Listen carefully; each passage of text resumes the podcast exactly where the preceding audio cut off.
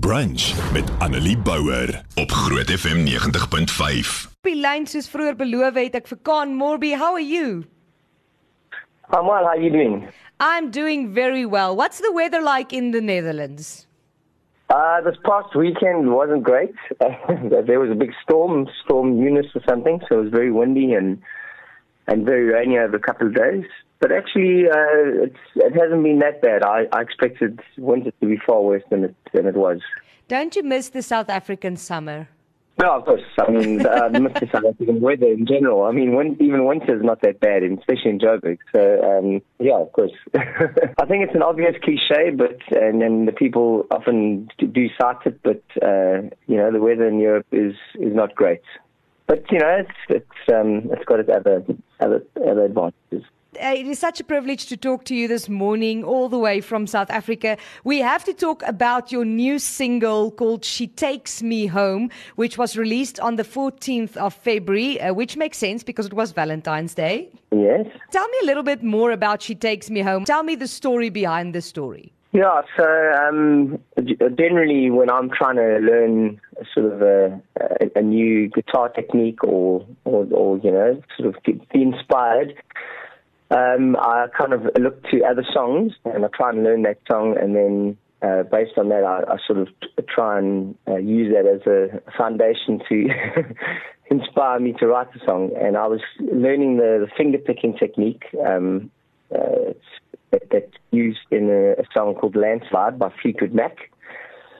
And then, um, yeah, I decided that I would try and write a song with that finger picking technique, and out of that uh, song, she takes me home was born. Well, that's not an easy technique. I can promise you, I, I, play a little bit guitar, but I cannot do that. So the fact that you actually can do that is amazing. yeah, it took lots of hours. It took lots of hours, but uh, you, you eventually get there. It's it's actually amazing how um, you know your muscle memory kicks in after a while. But it seems impossible in the beginning, and then you're like, "I'll never get going to get this," and then uh, eventually, after day seven, you get the first chord right. that helps. You say that the song is both an ode to Mother Nature and the many women in your life. Uh, obviously, if I understand this correctly, you wrote the music first and then the lyrics. Am I correct?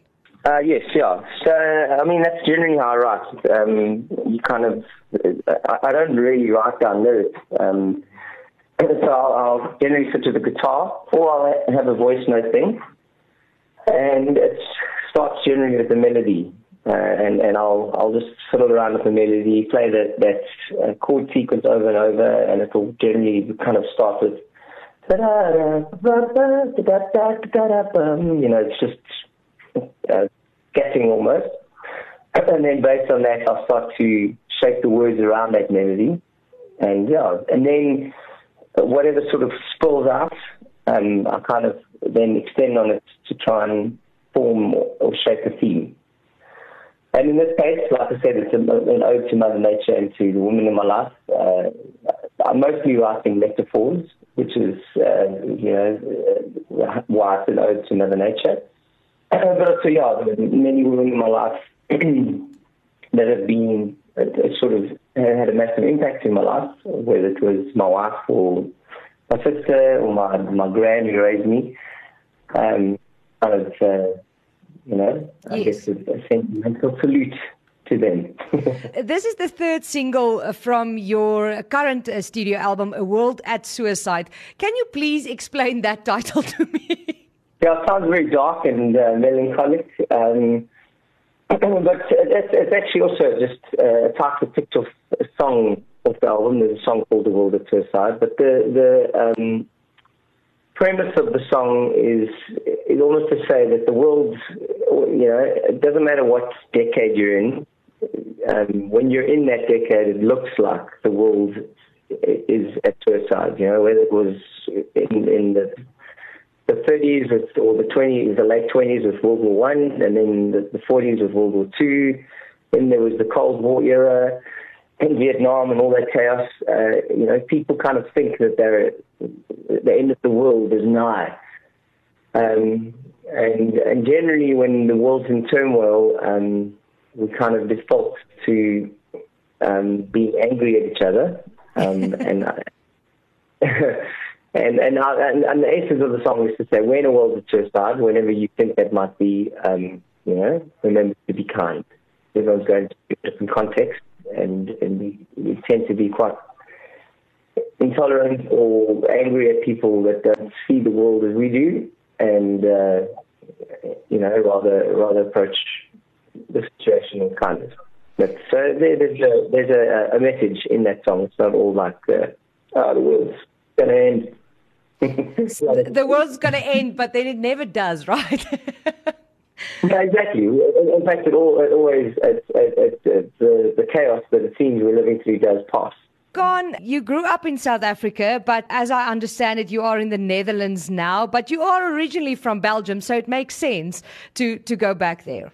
Yeah, I suppose. Um, like a, like a, I was born as a boomerang, and that took a long journey, and eventually ended back in. eventually decided maybe it's time to go back now. it's, it's, uh, we kind of moved here for you know my my wife had a good uh, career opportunity, and um, yeah, we uh, my my career was on hold for a while uh, due to um, pandemic. So yeah, we, we decided to kind of uh, take on a new adventure. You are that side. Can we expect you back for shows in South Africa anytime soon? Uh, not soon, probably not this year. Um, moving moving is is quite an administrative nightmare. True that. So I think I think I think once we're in and settled, you know, completely, and um, you know, I've got a rhythm and a routine with my my boys at school and their all the activities. Uh, then then I can start. And also, once I know for certain that we're not going to go into, uh, you know, because this is what pretty much happened over the last two years. Every time we planned a tour, then a new version of lockdown would you know, spoil the party. So um, I think as, as long as that sort of thing is looming over our heads, I'd, I'd rather not plan something. That is true. But luckily, the uh, technology helps us so that we can still talk to you. We can still get a hold of your music. Uh, people can go and look online for your new album, uh, World at Suicide, as, and this new single, She Takes Me Home. I see you've got a lyric video for She Takes Me Home on YouTube. Yes.